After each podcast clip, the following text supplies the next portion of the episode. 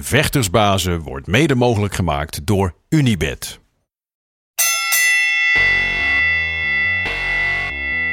It's time for Vectorsbazen!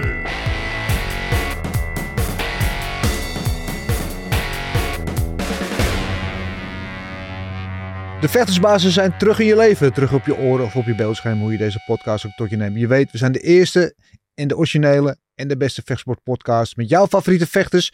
Of mensen in ieder geval die bij de vechtsport betrokken zijn. Want vandaag hebben we iemand die niet meteen misschien per se een vechter is, maar wel met heel veel vechterswerk. En ik vind het een eer om hem hier te hebben. Dr. Ludidi. Thanks. Ja. Thanks, Dennis. Voedingswetenschapper is Yes. officieel de titel. Hè? Ehm, Correct. Dus, ja, dus kunnen we over, over hebben natuurlijk. Eh, dingen, als we het hebben over dingen die bij vechtsport, eh, re- eh, aan vechtsport gerelateerd zijn. Zoals gewicht maken bijvoorbeeld. Dat is belangrijke voeding eh, in je training, et cetera, et cetera.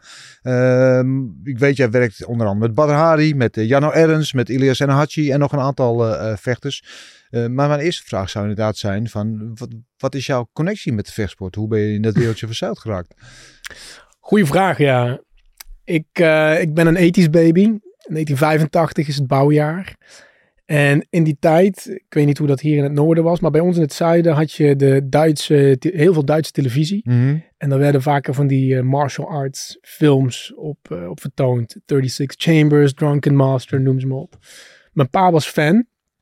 Hij keek die samen met zijn eh, Indische vriend uit de straat. Die deed aan Silat, dus die trainde ook af en toe samen. En ja, ik als klein jongetje, ik zal een jaar of vier, vijf zijn geweest. Ik keek af en toe mee. En ehm, nou goed, het schijnt dat ik mijn vader op een gegeven moment met een stok op zijn kop heb geslagen. En je hebt het overleefd? Ja. Hij heeft het overleefd, maar hij dacht, Jij ik moet anders. Ik heb het ook overleefd. en vanaf dat moment zijn we eigenlijk door Zuid-Limburg gaan, eh, gaan kijken van, ja, waar zit er een, een, een, een sportschool, een vechtsportschool waar wij kunnen aansluiten. Uiteindelijk is dat eh, karate geworden, Shotokan karate. Ja. Mooi. Is En- een, van, een van de hardere stijlen van karate, toch? Als ik het goed heb? Ja, kijk, eh Kyokushin is, is eigenlijk Ja, harder. mhm. Maar wij sparden zeker ook gewoon, eh, gewoon, ja, dat is gewoon vuisten. Er zitten, zijn, zitten geen handschoenen tussen. Het enige wat je dan eh, hebt is een beetje. Ja. Ehm, zo is het begonnen en zo is die liefde eigenlijk ontstaan. Het was gewoon echt eh, ja, een match made in heaven zou ik bijna zeggen. Paste perfect. Ik was zeven toen ik startte. Ik denk dat ik uiteindelijk, ik zal een jaar of 17, 18 zijn geweest toen ik eh, voor de eerste keer gestopt ben. Ehm, ja goed, je raakt in de puberteit. Ik, ik, ik, vond spieren opeens ook wel heel interessant, dus Ja. ik ben gaan fitnessen. Want die vinden meisjes mooi. Dat zeggen ze, dat dacht ik. Eh, en later ging ik studeren in Maastricht. En mijn sensei die gaf daar ook les. En ehm, ja goed, toen dacht ik, eh, laat ik nog maar eens een keer proberen of het erin zit. Want ik, ja, dat weet je, als je, als je er eenmaal van geproefd hebt en je hebt de smaak te pakken, dan blijft dat kriebelen. Mijn broertje eh, was ondertussen, die was ook eh karateka. Mijn pa, thuis waren we, ondanks dat we gestopt waren, toch altijd een beetje tikkertje aan het doen. Je kent dit wel. Dus ik ben toen enkele jaren later weer begonnen. En eh, in mijn joggingpak, stiekem aangesloten, helemaal aan de linkerkant van de rij, bij, naast de witte banders. En toen zei mijn sensei van Ludidi, Ja, Hup, up daarvoor. Ja. opschuiven. Ja, toen heb ik nog enkele jaren, uiteindelijk heb ik tweede dan gehaald. En toen is mijn sensei overleden en toen ben ik zelf ook, eh, toen ben ik helemaal ermee gestopt. ja. Maar het Ja. zit er nog altijd eh, in Ja, het hart. Maar dat heb je dus lang gedaan. Dus eh, de Ludine naar voren. Dus dan zat je bij, de- bij de zwarte band. Dus Ja, ja. ja. Ja. Ja, ik ben toen ik, ik, ik, denk, ja, ik zal een jaar of 17 zijn geweest, toen ben ik met Brian gestopt. Ja. En in die laatste jaren heb ik de tweede dan mogen ontvangen, inderdaad. Impressive. Impressive. En, en wat vond je er zo mooi aan? Ik denk dat karate is een, en dat is zoals bij elke vechtsport, het is een reis. Voor mij Mhm. staat het echt symbool als een reis. Er zit natuurlijk heel veel ook filosofie in. Je leert heel veel ehm, over het leven. Er zijn heel veel parallellen met het leven.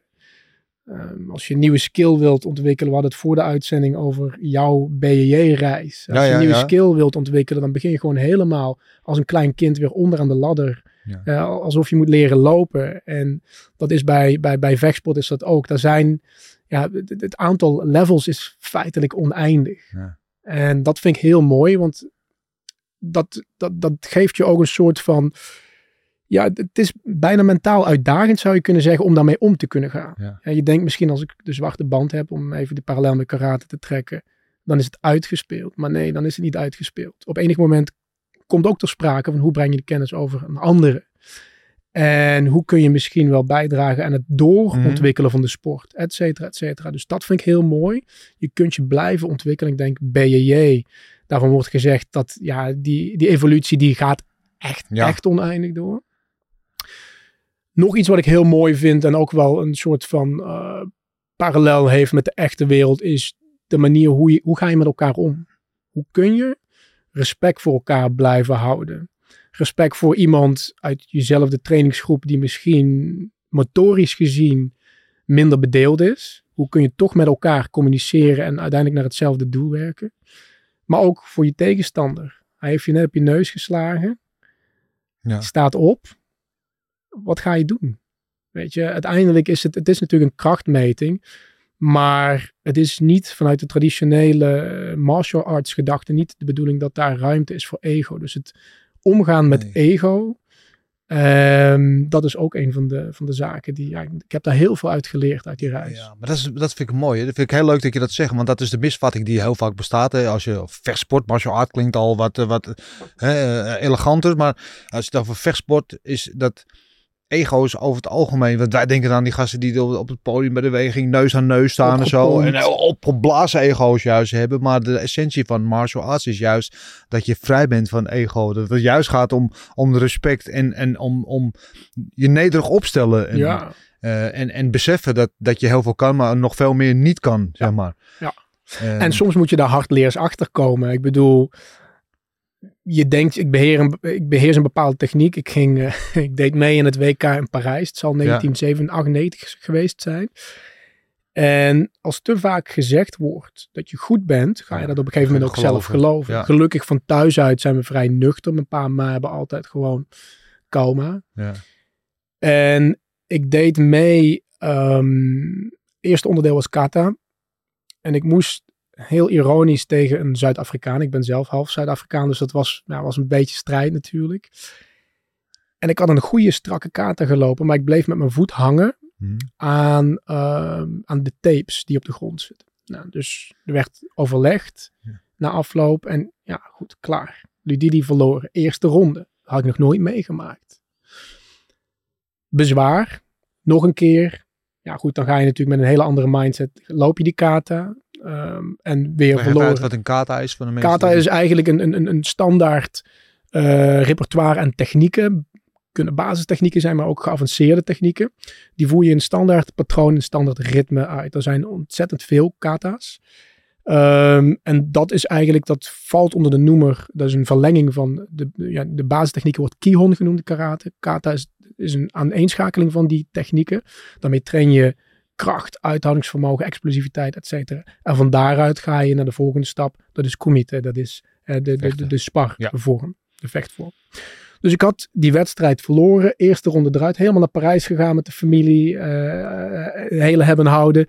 En eerste ronde klaar. Nou, tranen met tuiten natuurlijk. Want ik was nooit echt zo geconfronteerd met het feit. Er zijn gewoon mensen. Die zijn gewoon echt beter dan jij. Ja. Hè, dus humble thyself. Een beetje bescheiden zijn. Dus ja, ik denk dat dat ook in het echte leven geldt. Ehm, hoe groot en goed we ook denken te zijn. Er zijn altijd mensen die beter zijn, die het beter weten. Dus een stukje nederigheid, eh, respect voor elkaar, discipline, Ja. dat soort zaken. Ja, ik, vind, ja dat is omdat, ik heb dat verhaal op deze plek al eerder verteld. En eh, voor de luisteraars die het al gehoord hebben, sorry. Maar ehm, dat is precies, want toen ik mijn alle, allereerste kickboxlesje deed, toen eh, was mijn ego paste niet door de deur heen. Want ik was wel een straatbinkie en ik dacht wel dat ik kon vechten.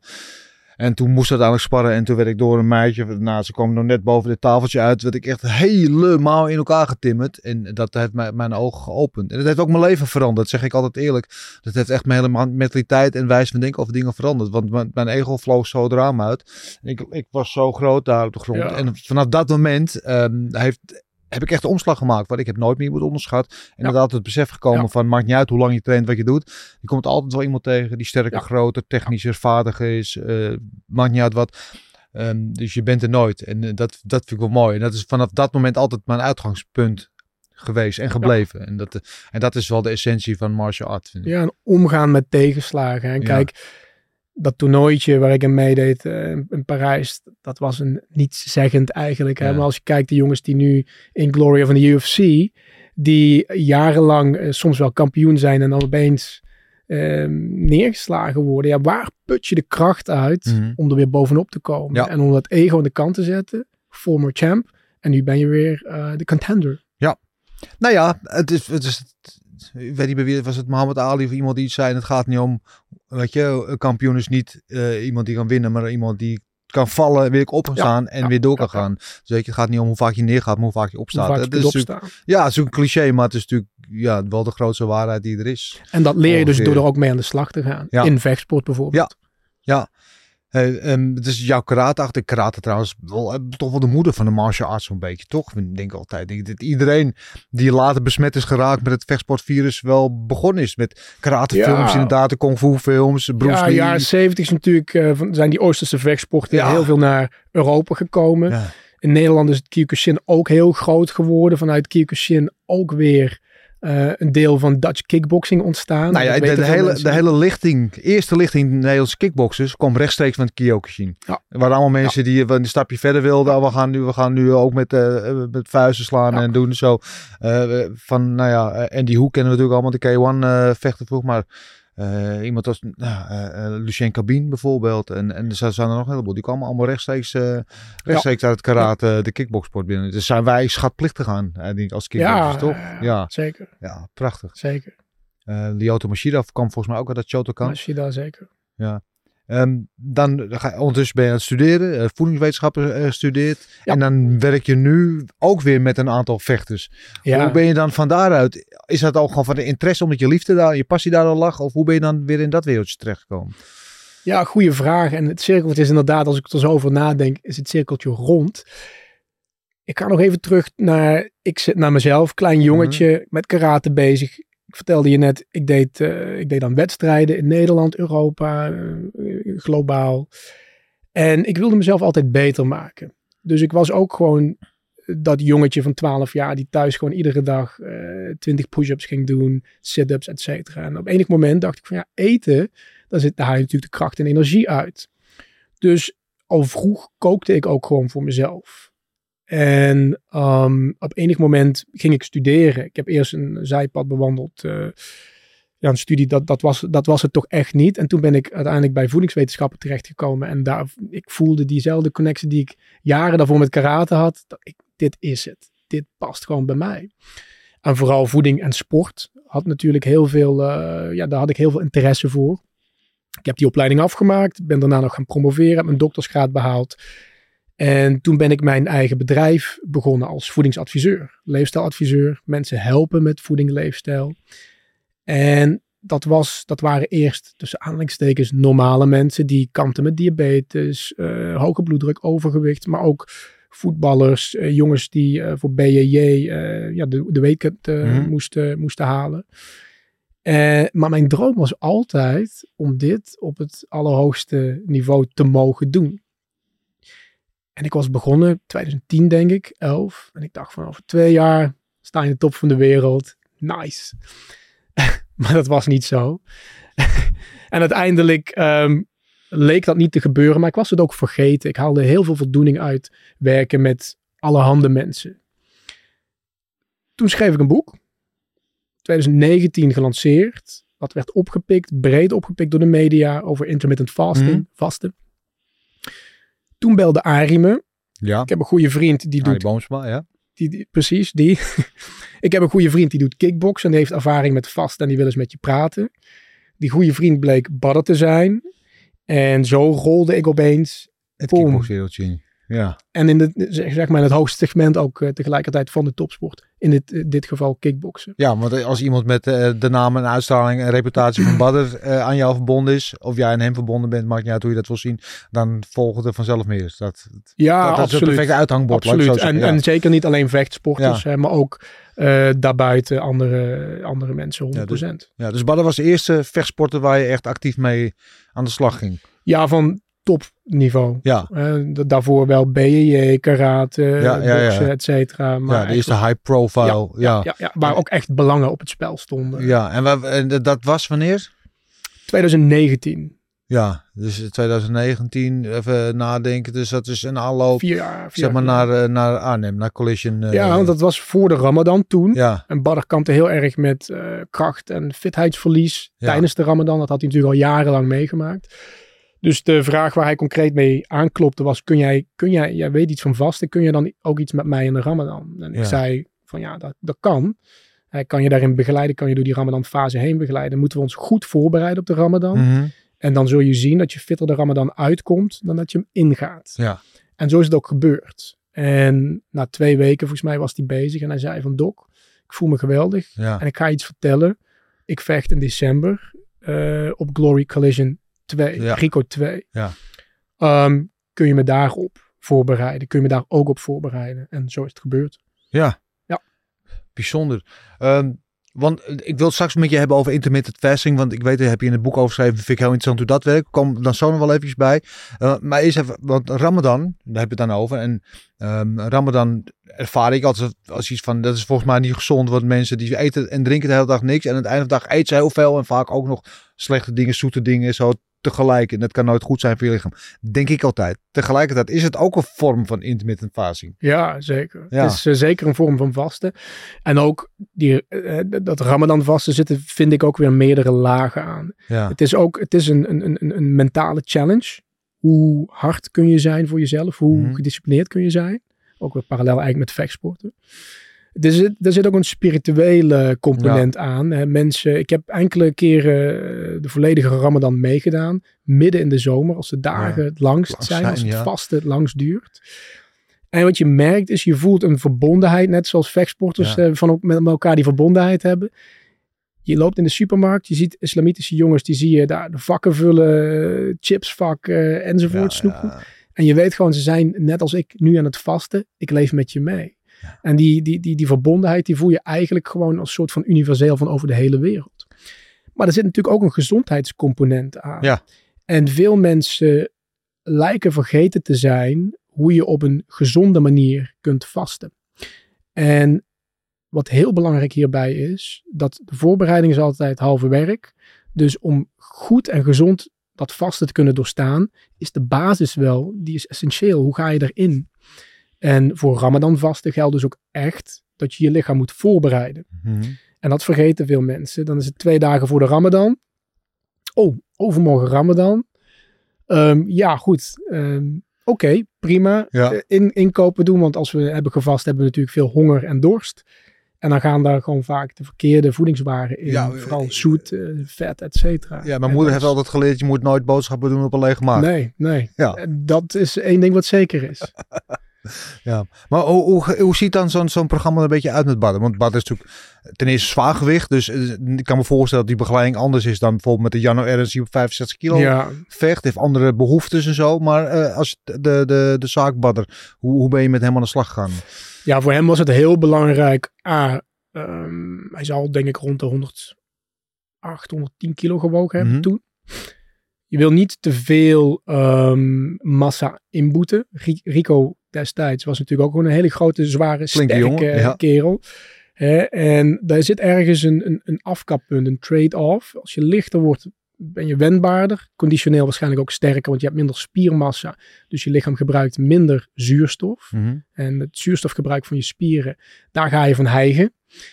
Ehm, alleen je bent mogelijk ook kwetsbaarder. Als je zwaarder bent, kun je zwaardere, stevigere klappen uitdelen. Dus daar, daar zit ergens. En verbruik je dus Ehm, ook meer energie. Ja, precies, ja. precies. Dus dat, precies dat energiegebruik, daar hebben we eigenlijk eh, heel erg op ingespeeld. En we wilden hem ehm, minder afhankelijk maken van eten, om toch te kunnen presteren. Dus door zijn lichaam, door zijn stofwisseling om te vormen, dat hij niet alleen koolhydraten, maar ook vetten kon gebruiken tijdens Mhm. inspanning, kon hij ook lichaamsreserves gaan aanspreken tijdens inspanning. En het bijkomende voordeel daarvan is, aan de ene kant zorgt het ervoor dat je mooi lean blijft, hè, dus Mhm. dat je mooi droog blijft.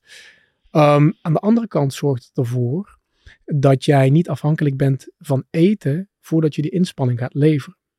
Veel Mhm. sporters denken, ik moet pasta voor eh, mijn training of voor mijn wedstrijd of een banaan. Die discussie die schakel je volledig uit. Dus je staat Ja. straks in de ring. Je hoeft niet erover na te denken, heb ik genoeg gegeten of heb ik te weinig gegeten? Je kunt gewoon die vijf, in dit geval waren het vijf rondes. Je kunt gewoon die vijf rondes vechten en erop vertrouwen dat je lichaam jou die energie Die energie aanlevert die je nodig we- hebt op het hoogste niveau, Precies. in topconditie, Precies. et cetera. Daar hebben we heel specifiek naartoe gewerkt. Ja. ja. eh, dat, ehm, het is, want als je het hebt over koolhydraten. eh koolhydraten zijn natuurlijk suikers uiteindelijk. Je lichaam Ja. maakt natuurlijk suikers van en daar eh, haal je de energie uit. Eh, haal je dan ook die, die koolhydraten juist uit het dieet, zodat het inderdaad die energie uit vetten gaat zoeken. Ja, er zal een fase zijn Ja. waarin, waarin je de koolhydraten vermindert. Ja. Maar als ik de energie verminder aan de ene kant uit koolhydraten, dan Mhm. kom ik eigenlijk in een energietekort. Hè, dus je zult, je zult ergens ja, in een soort van haperend stadium aankomen. Ehm, dat moet je accepteren, Mhm. maar dat betekent wel dat je er slim mee om moet gaan. Aan de ene kant betekent dat trainingsintensiteit omlaag. Niet, op, niet verwachten dat je op hetzelfde niveau kunt Door blijven gaan, nee. Dat is psychisch natuurlijk Ja. ook een dingetje. En aan de andere kant betekent dat als de koolhydraten omlaag gaan, moet ik wel iets anders doen om aan voldoende energie te komen. Vetten gaan ietsje omhoog. Mhm. Want je hebt energie nodig. Ehm, en door dit spelletje, door dat uitgekiend af te stemmen, kun je het lichaam klaarmaken om, te, eh, om vetten te gaan gebruiken als energiebron. En als je vetten kunt gebruiken als energiebron, kun je ook je lichaams eigen vetten gaan Ja. gebruiken. Ja. En dan ben je dus eigenlijk vanaf dat moment onafhankelijk van eten. In, in een notendop. Interessant, want vroeger leerden wij altijd, hè, de huistuin en keuken weet of logica was van, als je gaat sporten, dan heb je koolhydraten nodig. Inderdaad, veel pasta en dingen, Ja. want daar, daar Ja. hou je energie uit.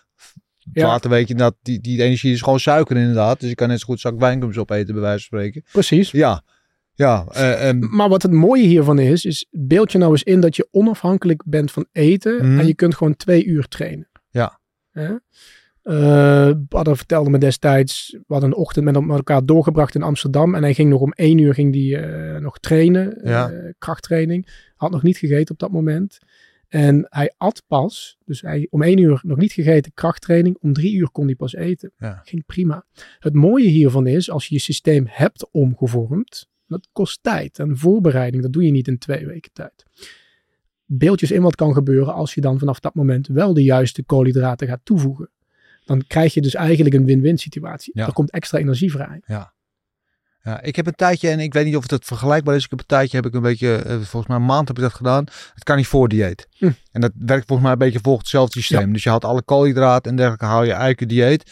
En je put eigenlijk gewoon puur je energie Ja. uit die vet inderdaad. En dat was de eerste drie dagen een beetje ongemakkelijk. En je zwaar aan diarree en eh, je lichaam een beetje aan het zoeken. En op een gegeven moment dan merk je dat je lichaam eraan went.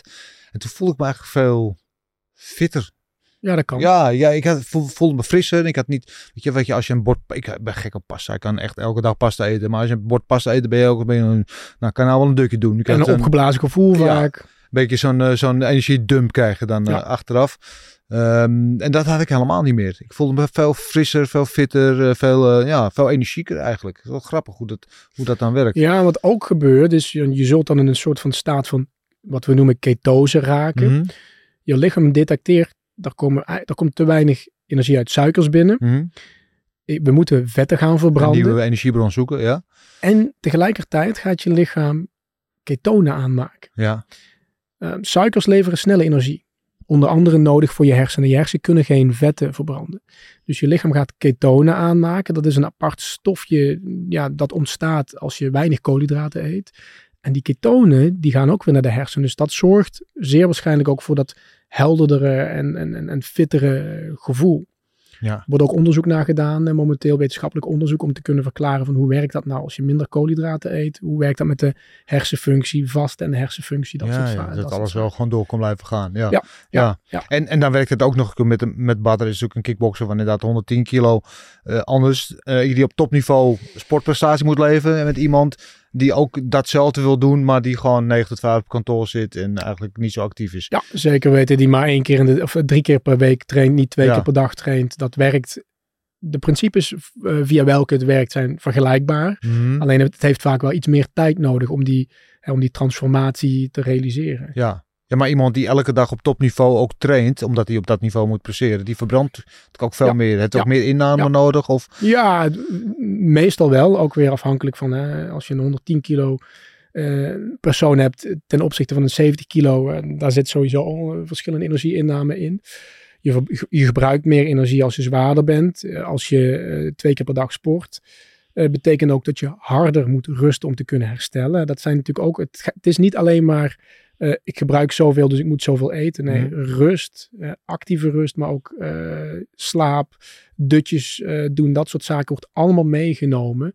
Um, want ja, als je twee keer per dag traint, dat is een behoorlijke belasting op je lichaam. En zeker naar de wedstrijd toe. Ja. Je kunt het niet veroorloven om dan om 11, 12, 1 uur s'nachts naar bed te gaan. Om 7 uur s ochtends op te staan. Je eerste training om half 8 te pakken. Je hebt echt heel veel rust nodig. Baby's herstellen en groeien tijdens rust. Ja. En daar kunnen wij denk ik als volwassenen ook iets van leren. Ja. Pak je rust om te groeien en te herstellen. Ja, zeker. Ik kan daar sowieso nog wat van leren, denk ik. Maar uh, je zei net al dat Badder dan af en toe inderdaad om één uur s'nachts aan de training deed. Want uh, wat jij nu inderdaad zegt om je rust te pakken. En je, als je dan s'avonds of s'nachts soms inderdaad in de zomer pas mag eten. Betekent dat dan ook dat, dat je... Dat Badder is volgens mij wel berucht omdat hij ook vaak s'nachts ook traint. Ook volgens mij Nee, dit was, uh, dit, dit, die training waar ik net naar refereerde ja. was één uur s middags. Ah, één uur s middags, Maar hij had dan van, hè, s'avonds acht uur voor het laatst gegeten. Ja. Uh, 17 ja. uur later en dan nuchter, niet gegeten. Ja. En dan nog een krachttraining erachteraan knallen. En die waren echt, uh, die waren flink kan ik je vertellen. Ik heb wel eens meegedaan. Maar hij is be be berucht omdat hij inderdaad graag wel eens om, uh, ja, om vier uur s'nachts, om drie uur s'nachts in de nacht traint. Maar is dat ook dan omdat je overdag niet kan eten, aan te raden. Dat je je trainingsschema ook een beetje... Tijdens de ramadan bedoel je? Ja, ja, ja, ja. Ja, in mijn periode hebben we dat niet gedaan. Oké. Okay. Um, en ik kan me ook nog herinneren, kijk, als je tijdens de Ramadan uh, het maximaal uit je training wilt blijven halen, mm -hmm. dan is er maar één ding wat je het beste kunt doen en dat is 's ochtends vroeg trainen. Ja. Liefst net na zonsopgang, want dan zit je lichaam nog vol vocht ja. en vol voedingsstoffen. Want je hebt s'avonds gegeten, mogelijk s'nachts nog wat gedronken. Ja. En s ochtends zit je lichaam dus nog helemaal vol. Dus dan kun je het maximale uit je training halen. En de rest van de dag tandje terug. Rusten. Rusten is ook herstel. De grote fout die veel mensen maken is, we gaan voor iftar, dus voor het breken van het vast en het Ja. einde van de dag. Als je een hele dag erop hebt zitten, zonder drinken, zonder eten, je hebt energie gebruikt, dan nog te gaan trainen, ja, dat is gewoon een hel waar je jezelf aan onderwerpt. Eh, dat is niet bevorderlijk voor je sportprestatie op dat moment, ook niet voor je herstel. Ook al kun je daarna eten, Ja. het is beter om 's ochtends te trainen, de dag rustiger door te gaan en dan alsnog s'avonds te eten, want daar herstel je ook van. Interessant. En dus tijdens mijn coaching heeft hij nooit eh, midden in de nacht Midden in de nacht Dat is iets wat ik, eh, wat ik gelijk eruit gegooid heb. De Ja. nacht is Om te om slapen. te slapen. Ja, en te herstellen. Oké. Ook deze ga ik onthouden voor mezelf. Ja, ik denk dat er wel veel mensen daar iets van Ja, kunnen opsteken. Daar kan ik me wel wat van leren. maar Dus niet met, altijd- Met niet- nacht, nachtige uses niet altijd even Nou, ik wou zeggen, niet altijd ja. even makkelijk eh, met live shows. Ja, oké, maar dan hebben we het over badden. Badden is een zwaargewicht. En die moet innemen. Dat is dus, en, en, en, en zorg dat hij goed herstelt en zo. Maar dan neem je iemand als Janno Ernst, waar je ook eh, mee, eh, mee samenwerkt. Die vecht op 65 kilo. Dus die heeft dan ook nog in aanloop naar de wedstrijd. Die moet ook gewicht gaan verliezen. Ja, Dus dat is een, een, een complicerende factor die daar nog bovenop komt. Hoe ga je met, met zo'n ja om? en dat hangt ook van de lichaamsbouw af. Kijk, Jarno is echt wel een eh, stevige, Ja, eh, precies. stevige kerel. Mooi Hij is van, dus. van mijn lengte, 1,82 meter Ja. zo. Ehm, heeft ook behoorlijk wat dichte spiermassa. Ehm, dus dan wordt het heel lastig om daar nog dat vet ervan, want uiteindelijk wat je wilt verliezen is vet. Om dat vet ervan af te snijden als het ware om gewicht te maken, dat is gewoon heel lastig. En je moet je bedenken, dit soort jongens, ja, mijn advies is, je vecht op 65, loop niet zwaarder rond dan 70 is echt grensgevalletje. Gewoon het hele jaar. Ja. Het hele jaar door. Alleen soms schiet dat gewoon omhoog naar 75 of, ne- of zelfs verder. En het enige wat je dan kunt doen is een, als je veel gewicht moet maken, een lange aanloop nemen. Ja, ehm, om gefaseerd daar naartoe te werken. Gefaseerd en gestructureerd daar naartoe te werken. Dus bij eh Jarno's voorlaatste gevecht hebben we dat, eh, ja, is dat perfect verlopen. Toen hebben we denk ik twee maanden tijd gehad om eh, van 74 naar die 65 te gaan. En dat is heel veel. Hè. 9 kilo. Ja, Ja, ja. eh, Het laatste deel is dan wel gewoon vocht. Eh, Dat moet eh, in zo'n geval. Maar we hebben het wel op een zo gezond mogelijke manier kunnen faciliteren. En ehm, ja, sorry Jar, ik moet het wel even, eh, ik moet het vermelden. Je hebt ook een voorbeeldfunctie. Ehm, daarna werd hij opgeroepen voor de UFC. Ja. Dus hij belt mij op. En dan was je met vakantie. Ik want was had met die- vakantie. ja, ja, ja. Doc, eh, we hebben elkaar nog gezien toen in Ja, Parijs. klopt. Hè? Doc, ik ben opgeroepen. Ik zeg, fantastisch. Wanneer vecht je? Ja, over tien dagen. Ik zeg, wat? en hij was twee dagen daarvoor bij mij komen barbecue. We hadden het even erover gehad. We moesten met gewicht. eh, hij was op vakantie geweest. Ja, dan moest er iets, iets van tien of acht, acht of negen of tien kilo van af in, in, in tien dagen tijd. Ja, dat is gewoon, dan ga je door een hel. Want je moet ook weer gaan optrainen, nieuwe tegenstander, al die zaken. Ja, dan, dan wordt het gewoon niet leuk. Ja. En dat ik- is eigenlijk ook niet iets, ja, nu wat jij aanraadt. moest het. Ja. Ik wil dit niet, ik wil het niet nog een keer doen. Nee, want dat is altijd, ik vind dat een van de grootste mysteries van deze sport. En misschien ook wel een van de lelijkste kanten van deze sport. Hè? Want ehm, gasten die dus zichzelf helemaal door de, door de, door de wringer halen. Om ehm, ja, zo laat mogelijk, zoveel mogelijk gewicht te verliezen. En Ja. dan op fight day, als ze in de ring of in de kooi staan, weer zo sterk mogelijk te zijn. Het liefst ook weer zo zwaar mogelijk. En wat zij dan met hun lichaam doen. Ik snap ook nooit helemaal hoe het werkt. Hoe je, sommige gasten, ja, ik hoef, dus de dag voor de wedstrijd, ja, ik moet nog maar 4 kilo afvallen. Ik moet nog 4 kilo afvallen. Dus hoe ga je dat doen in een, weet je wel, ik snap nooit zo goed hoe dat proces, werkt. Wat ik wel weet is dat het niet gezond is. Ja, kijk, twee kilo, dat is heel goed te doen. Ja. Op een warme zomeravond, als jij gewoon eh, anderhalf uurtje gaat kickboksen, dan ver- verlies je makkelijk eh 1, anderhalve liter water. Ja. Uitgeademde lucht, zweet, eh, dan ben je die twee kilo feitelijk ook kwijt. En je kunt dat versnellen door in de sauna te gaan, op de fiets, zweetpak aan, sauna. Zeker met deze temperaturen is dat goed te doen. Ehm, hoe meer kilo je op het laatste moment moet verliezen, hoe meer vocht je moet gaan uitscheiden. En iedereen heeft een soort van, je zou het zo kunnen zien, iedereen heeft een soort van zweetbuffer. Hè. Je kunt twee kilo zweet en vocht kun je zo verliezen. Maar ga, ga je daarboven zitten, dan Mhm. moet het ergens anders vandaan komen. Dus dan, Ja. dan, ja, dan wordt het echt uit je bloed gehaald. Dan Ja. wordt je bloed verder ingedikt. Ja, Ehm, dan komt het echt uit je organen, uit je spieren, eh, maar ook uit andere organen. En dat is natuurlijk het gevaar aan die extreme water cuts, zoals het genoemd wordt. Dus uiteindelijk, als je daar te diep in gaat, kan het leiden tot orgaanfalen. Dus dan Ja, kunnen je organen gewoon ermee ophouden. Ja. En dat gebeurt. En er is geen garantie dat er, er is niet een knopje waarvan je zegt van druk hem weer aan.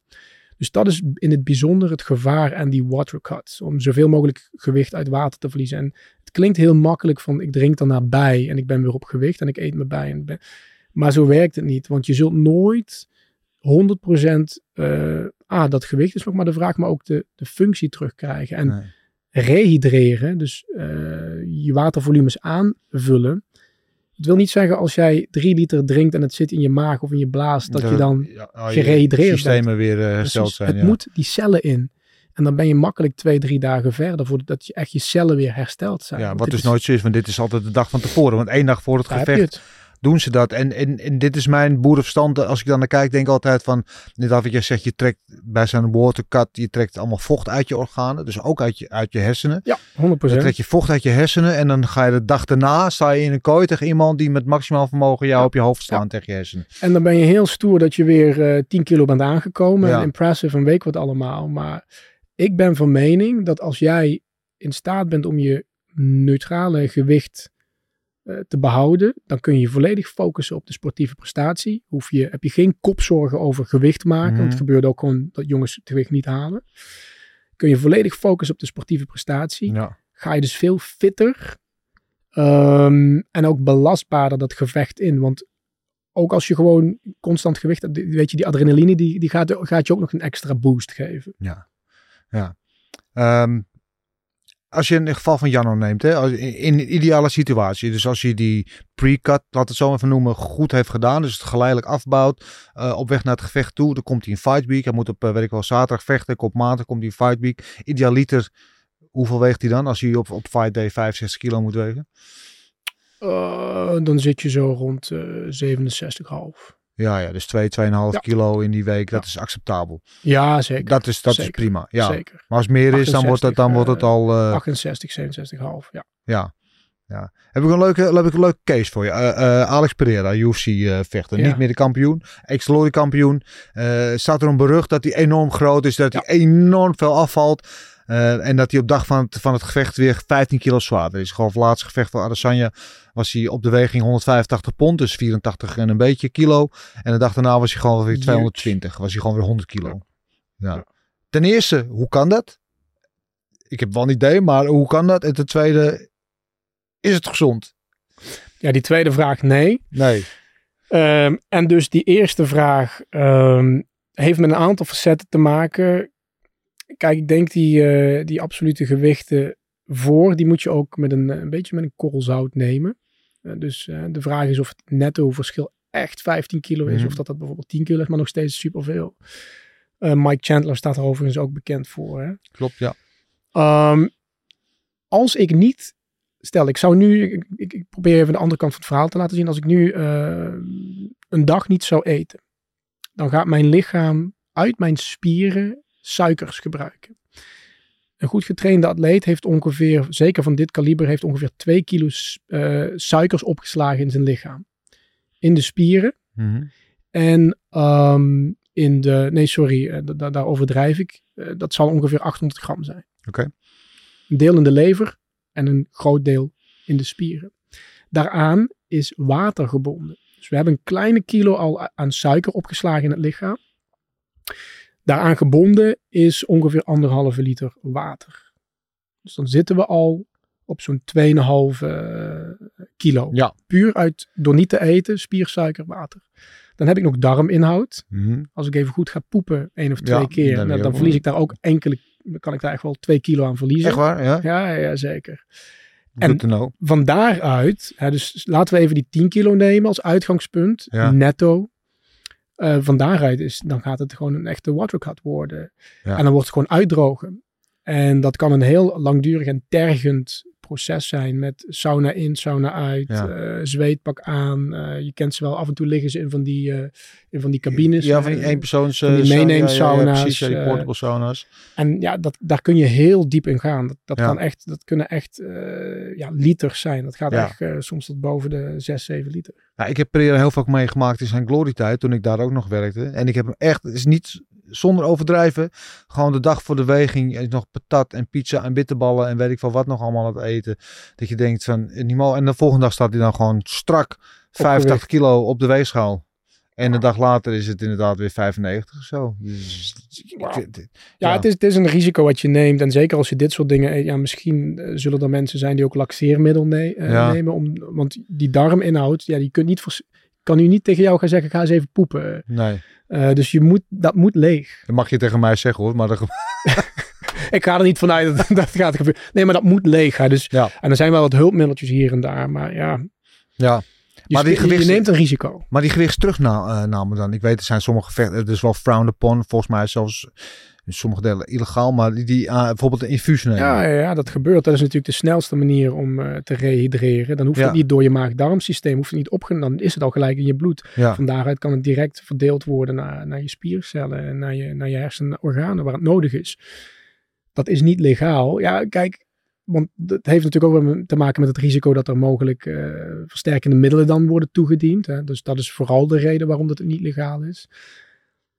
Ja, hoe ver moet je daarin gaan? Het, Ja. maakt het, het maakt bijna ook een strategisch spelletje al aan de voorkant. Van Ja. hoe kunnen we zo snel mogelijk en zo goed mogelijk dat gewicht eh, manipuleren. En weet je, ik moet zeggen, meerdere eh, nutritionists en ook voedingswetenschappers eh, die ik ken, ook uit deze wereld. Ik heb goed contact met dokter Matteo. Hij is met name ehm, de nutritionist van eh, enkele mensen die in de Los Angeles regio eh, vechten. Eh, Marvin onder, onder andere. Afgelopen weekend eh gevochten. Tori, ja.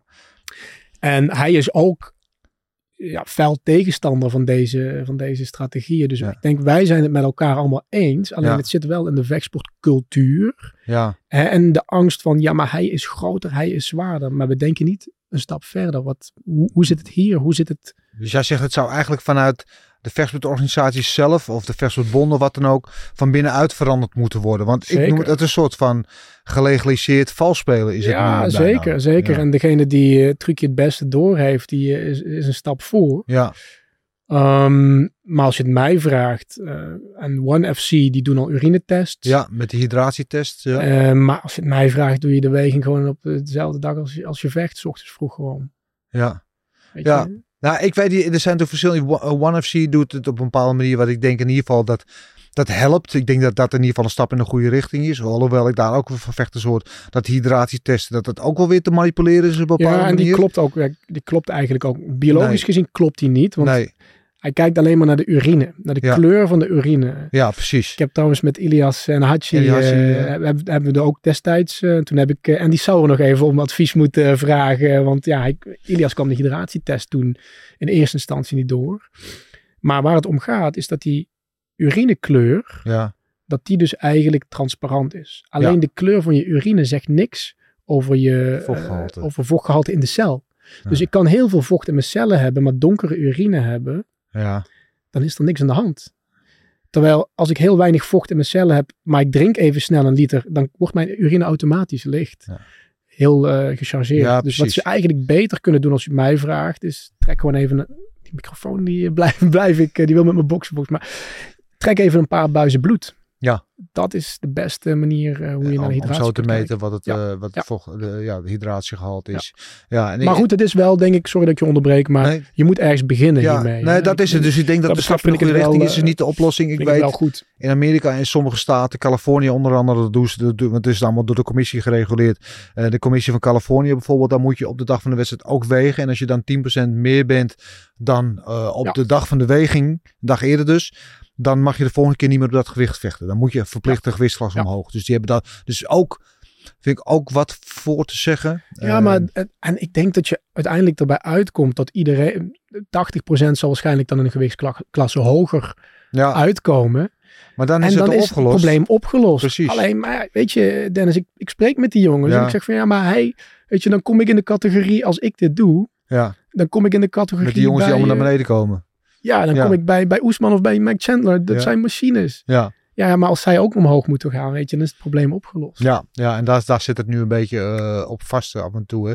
Ik hoorde een keer een eh, podcast met Jordan Burroughs. Jordan Burroughs, ik weet niet of je kent, tweevoudig Olympisch gouden medaillewinnaar. Amerikaan, ongelooflijk monster van een worstelaar. Al worstel. Ja, en, en die vertelde dan hoe dat dan, en dat is nog, volgens nog veel heftiger, want die maken dus gewicht op de dag van de wedstrijd.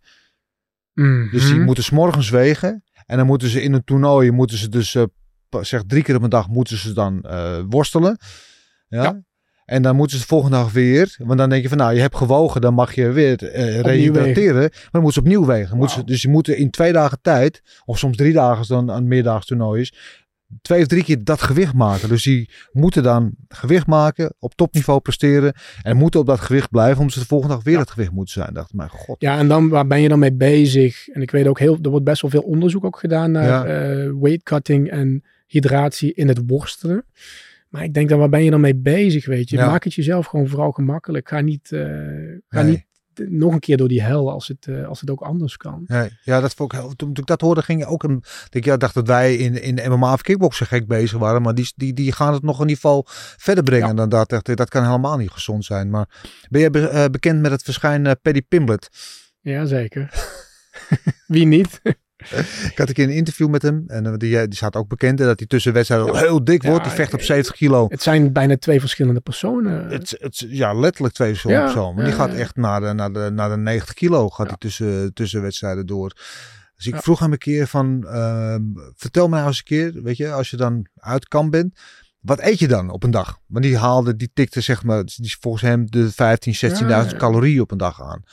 Maar je ziet het ook, eh, en ik, ik zelf vind ik het heel kwalijk. Ik bedoel, weet je, er moet zeker ruimte zijn om te genieten. En gezond en genieten kunnen ook echt samen. Maar Paddy, the Baddy, zoals hij zich noemt, Ja. volgens mij, eh, hij heeft natuurlijk wel een, een voorbeeldfunctie. Ja. Ook. En ik denk voor de, voor de vechtsport, met zo'n reach, maar ook voor de kids. Hij is natuurlijk heel likable. Hè? Hij wilde ook geen tattoos eh, en dat soort dingen allemaal. Hij had speciaal het speelse kapsel om heel erg likable eh, Mhm. gevonden te worden. Nou, daar mag je ook iets van vinden. Maar dan geef je zo'n voorbeeld.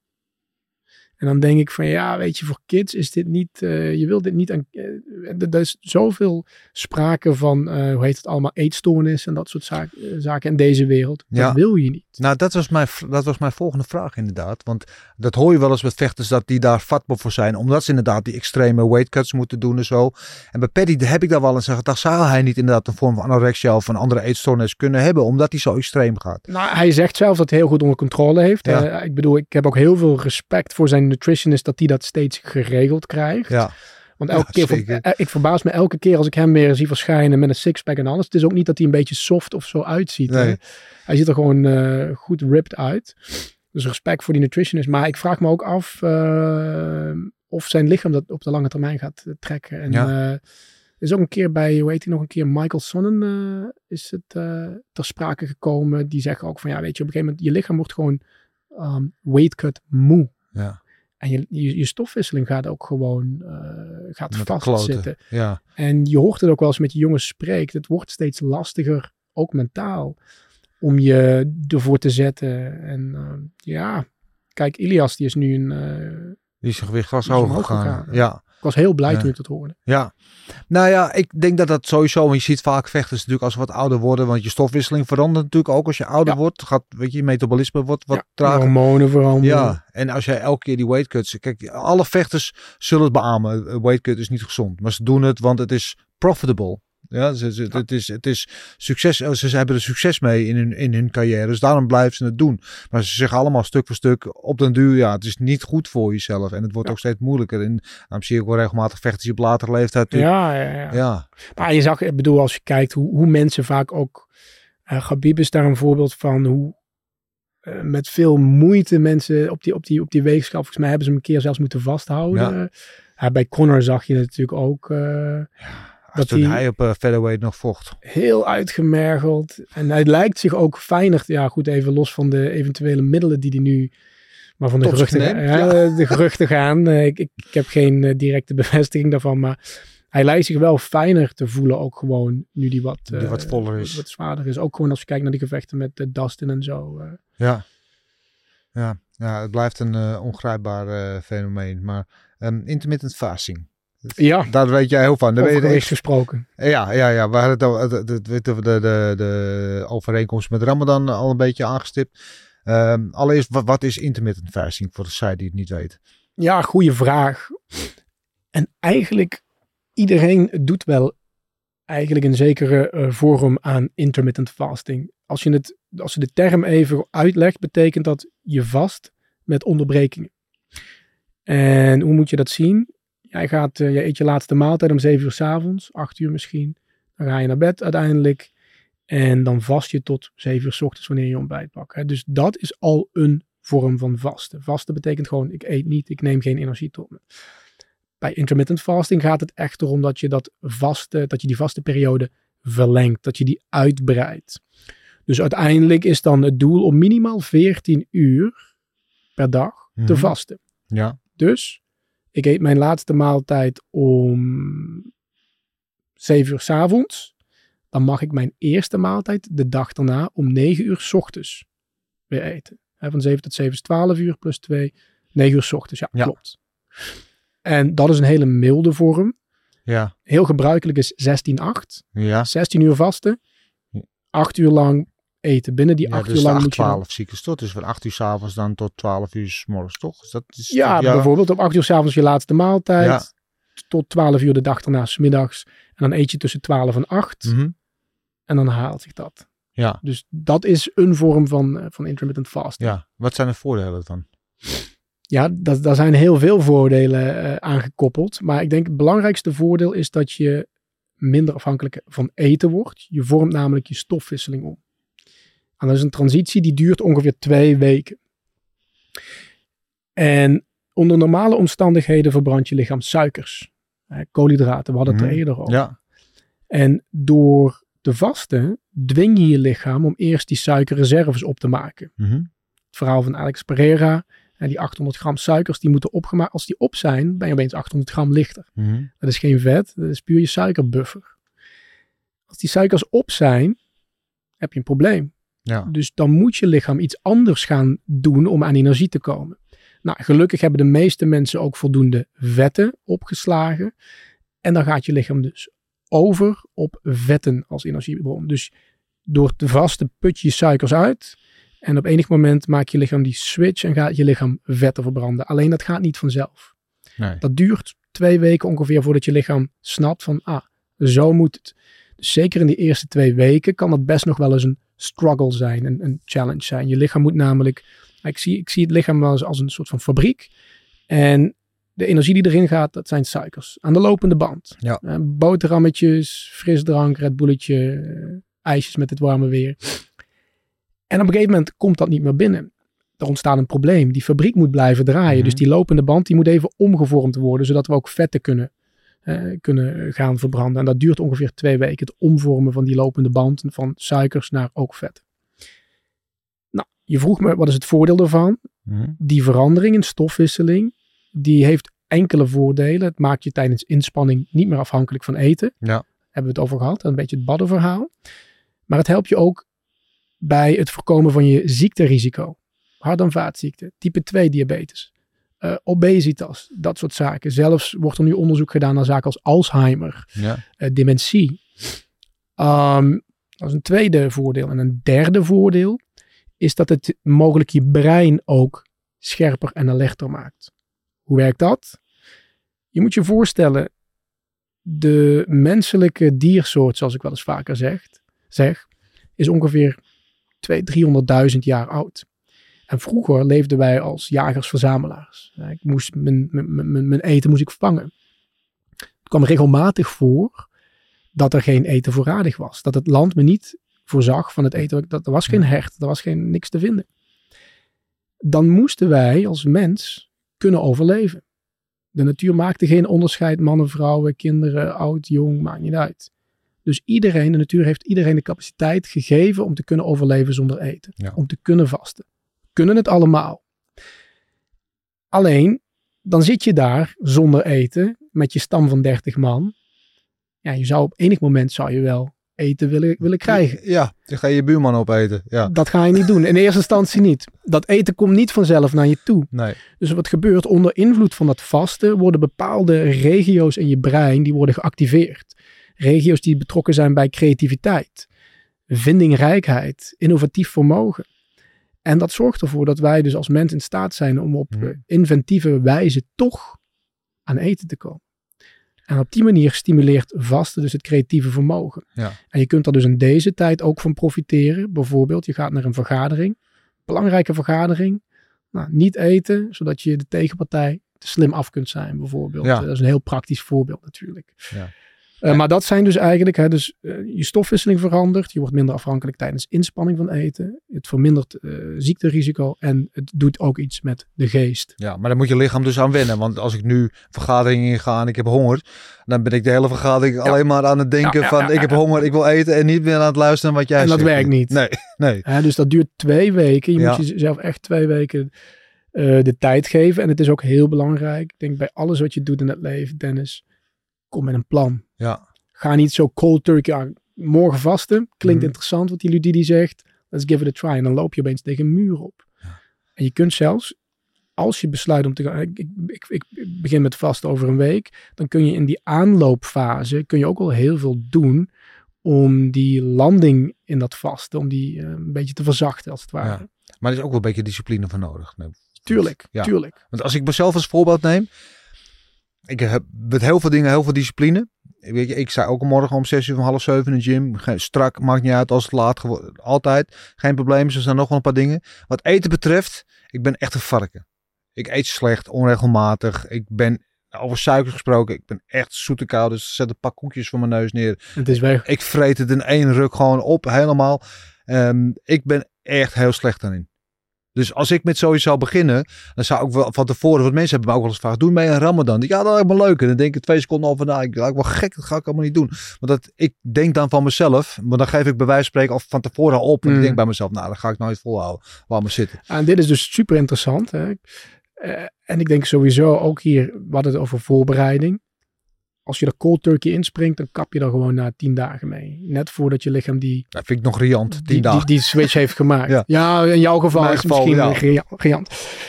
Maar ook hier gaat het weer om voorbereiding. Hè? Je mentaal voorbereiden op ik ga dit doen. Mhm. Ehm, dat is één.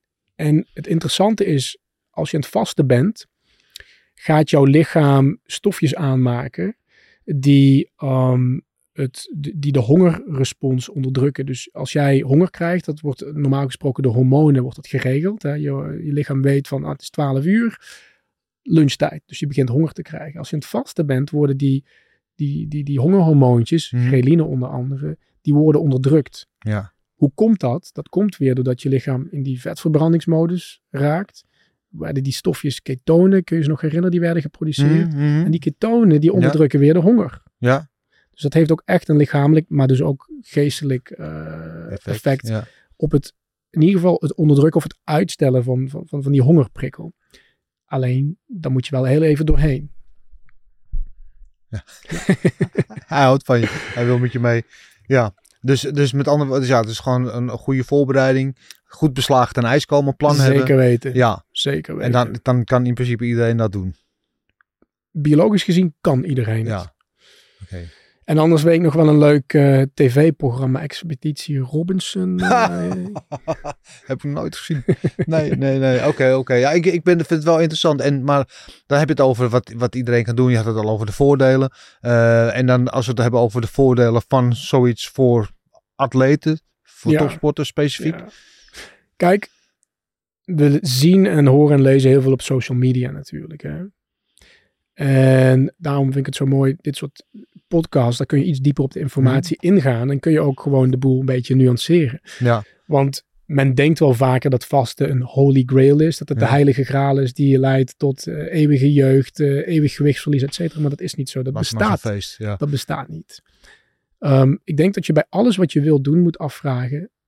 Waarom wil ik dit? Wil Mhm. ik dit überhaupt doen? Ben ik bereid om eh, de pijn te lijden die, die nodig is om verder te komen? Vaak zijn dat wel de beste pijnen hè, die, je- die je verder brengen. Maar ehm, in de basis, niemand moet vasten. Ook Nee. sporters niet. Maar het kan je wel helpen. En het mooie aan mijn werk is, ik, ik, ik, ja, ik heb te maken met heel veel verschillende sporters. Natuurlijk martial arts, hè, dat is waar mijn hart echt ligt. Ja. Maar eh, denk ook aan eh, voetballers, hè, die moeten 90 minuten spelen. Of wielrenners. Wielrenners die de hele dag op de fiets France. moet zitten. Ja. En dan heb je met dit te maken vijf uur lang, eh, twee weken achter elkaar.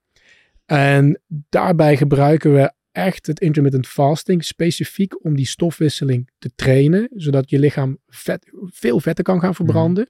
Want uiteindelijk, je, ik vertelde net, hè, die, die, die suikerbuffer, bij Pereira is die 800 gram, Mhm. maar bij een kleine vent als ik is dat misschien maar 500 gram. ja.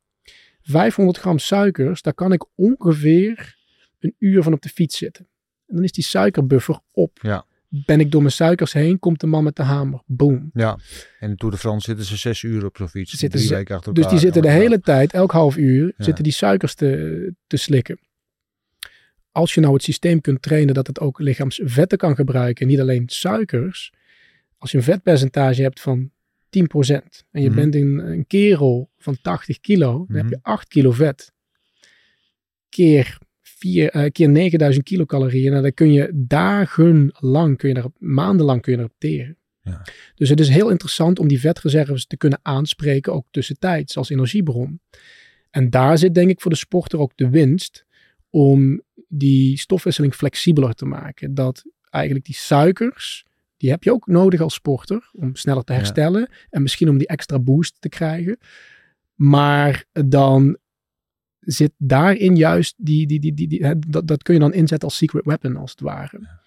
En ehm, dus als sporter denk ik dat het heel belangrijk is dat je jezelf minder afhankelijk kunt maken van eten, zodat je puur en alleen op de fight game, de ball game, whatever kunt richten. Doen, daarmee bezig moet zijn waar je mee bezig moet zijn.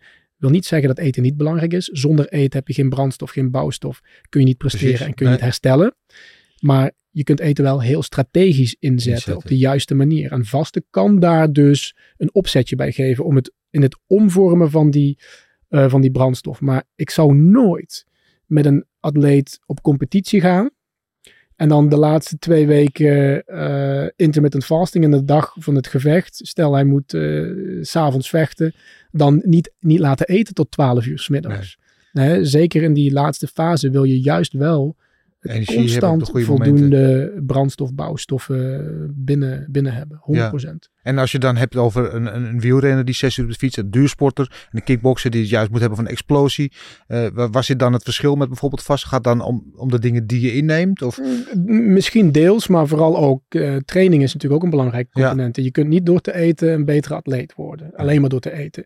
Dus daar zit, ook een, daar zit ook een trainingscomponent in. En het afstemmen van die trainingscomponent in die overgangsfase, die trainingen, de intensiteit van de trainingen misschien wel halveren naar 50%. In plaats van eh 10 reps naar 5 reps. In plaats van 100 kilo naar 50 kilo. Ik noem Ja. maar even iets. Ja. Zodat je lichaam, je moet je lichaam faciliteren in die adaptatie. Alleen dan komt ego weer om de hoek kijken. Waar we het begin over hadden. Ik heb altijd 100 kilo gesquat. We gaan vasten. Ik kan die extra challenge wel aan. Ik Ja. wil 100 kilo blijven, blijven squatten. Ja. En dan na drie of vier reps zak je door je pootjes. Weet je, dat wil je niet hebben. Dat is ook niet goed voor je ego. Ga- en ook niet voor je rug. maar ga daar, Niet, nee. ga, ga daar gewoon, ga veel, probeer slimmer om te gaan. En dan kom, kom ik weer bij voorbereiding en planning. Maak een plan. Zeker als je een team om je heen hebt. Koppen bij elkaar. Ego weg. De atleet is de main character van zijn film. En wij zijn daar om hem of haar eh, te ondersteunen. Maak met elkaar een plan. Mooi. We kunnen hier volgens mij nog de hele dag over Ja, doorpraten. heerlijk. maar mensen die hier meer over willen weten, moeten gewoon jouw boek gaan kopen. Dat lijkt me het allerbeste. Boek kan of eh, er is natuurlijk heel veel informatie bij ons op socials te vinden. Dr. Ludidi eh, of dr.ludidi, dr.ludidi. Op de website natuurlijk ook blogs, noem het maar op. eh, Ja, en het boek is Dr. Ludidi, een vaste methode. de vaste methode. Eh, Ludidi, vaste, dan kom je er Daar kom je er sowieso. Ja, dus eh, dat, eh, dat, dat lijkt me sowieso aan te raden voor iedereen. Eh even over jou nog. We hebben het wel gehoord nou ja, waar je vandaan komt en eh, met wie je gewerkt hebt en zo. Eh, waar liggen je ambities? Wat zou je echt graag nog willen bereiken? Ja, ik ben Jarno nog een keer naar jou. Ik ben hem heel dankbaar dat ik via hem ook in de UFC terecht ben mogen komen. Dat was voor mij uh, mijn grootste droom. Die, ik raakte in een stroomversnelling. Uh, nou goed, het was een fantastische ervaring. En daar gaan er nog meerdere komen, thank God. Dus het heeft even geduurd dat ik dacht van ja, wat wil je nu nog verder um, bereiken? Op dit moment heb ik nog één hele, hele grote droom. Ja. En dat is het maken van een uh, documentaire over uh, de oorsprong van uh, menselijk eetgedrag. Ik zou heel graag daarvoor ook naar de mother continent afreizen. Om de volkeren die daar leven in Afrika te bestuderen. Op verschillende niveaus. Jagers, verzamelaars, boerenvolkeren. hoe die le leven. Ja. Uh, qua eten, maar ook qua bewegen. Hoeveel bewegen ze? Uh, maar ook de sociale interactie. Hoe gaan ze om met ontspanning en rust? En wat kunnen wij daar in de moderne steden, in Amsterdam, uh, wat kunnen we daar nog van leren? Van hoe het eigenlijk hoort. Ja. En daar is ook heel graag een docu over maken. Mooi. Met andere woorden, ja, we zijn nu natuurlijk heel erg gericht op moderne wetenschap en de nieuwste middelen, ja. et cetera. Maar we kunnen nog heel veel leren van onze voorouders, juist van ja. hoe ze vroeger omgingen met dit. Ja, en kijk ook dit vaste wordt nu wetenschappelijk allemaal bestudeerd. Uh, ook uh, het AMC uh, heb ik toevallig vanochtend nog mee gebeld over intermittent fasting. Leiden University wordt allemaal wetenschappelijk onderzocht. Alleen, we zijn geen wetenschappelijke proefdier. Wij zijn mensen, de menselijke diersoort eigenlijk. En die menselijke diersoort is veel, ja, die is vanuit de natuurlijke omgeving waar die, waarin die uh, honderdduizenden jaren heeft geleefd, is die in steden gaan wonen. En het wordt allemaal technologischer en berekender. Maar um, die oorsprong van het beestje, die kun je er niet uithalen. En ik denk dat daar de kracht in schuilt van hoe wij succesvol, gezond mogelijk ook ouder zouden kunnen worden. Dus ik ben daar heel nieuwsgierig naar. Mooi. Nou, die documentaire moeten toch gaan komen. Zijn er ook concrete plannen? Of? Nou ja, de plannen die zijn er vanuit uh, Team Ludidi zeker. Ja. Het is, um, we hebben ook met een aantal uh, productiehuizen gesproken. Maar ja, goed, ik zou mezelf niet zijn als ik niet uh, voor toch wel het, hoogste niveau zou gaan. Ja. Dus soms moet je je kruid niet uh, te snel verschieten. Oké, okay, wat is in jouw oog uh, het hoogste niveau? Ik zou het wel heel mooi vinden als we dit met BBC zouden kunnen doen. Het is wel de, de Champions League van de documentaires. Ja, ik denk het wel, ja. Ja, ja. oké. Okay. Nou, dus. Mooi uh, genoeg te bereiken nog in ieder geval. Uh, ik ben ook benieuwd, heel erg benieuwd naar welke UFC-ingang je dan hebt. Maar dat ga je vast niet vertellen nu wie dat zijn.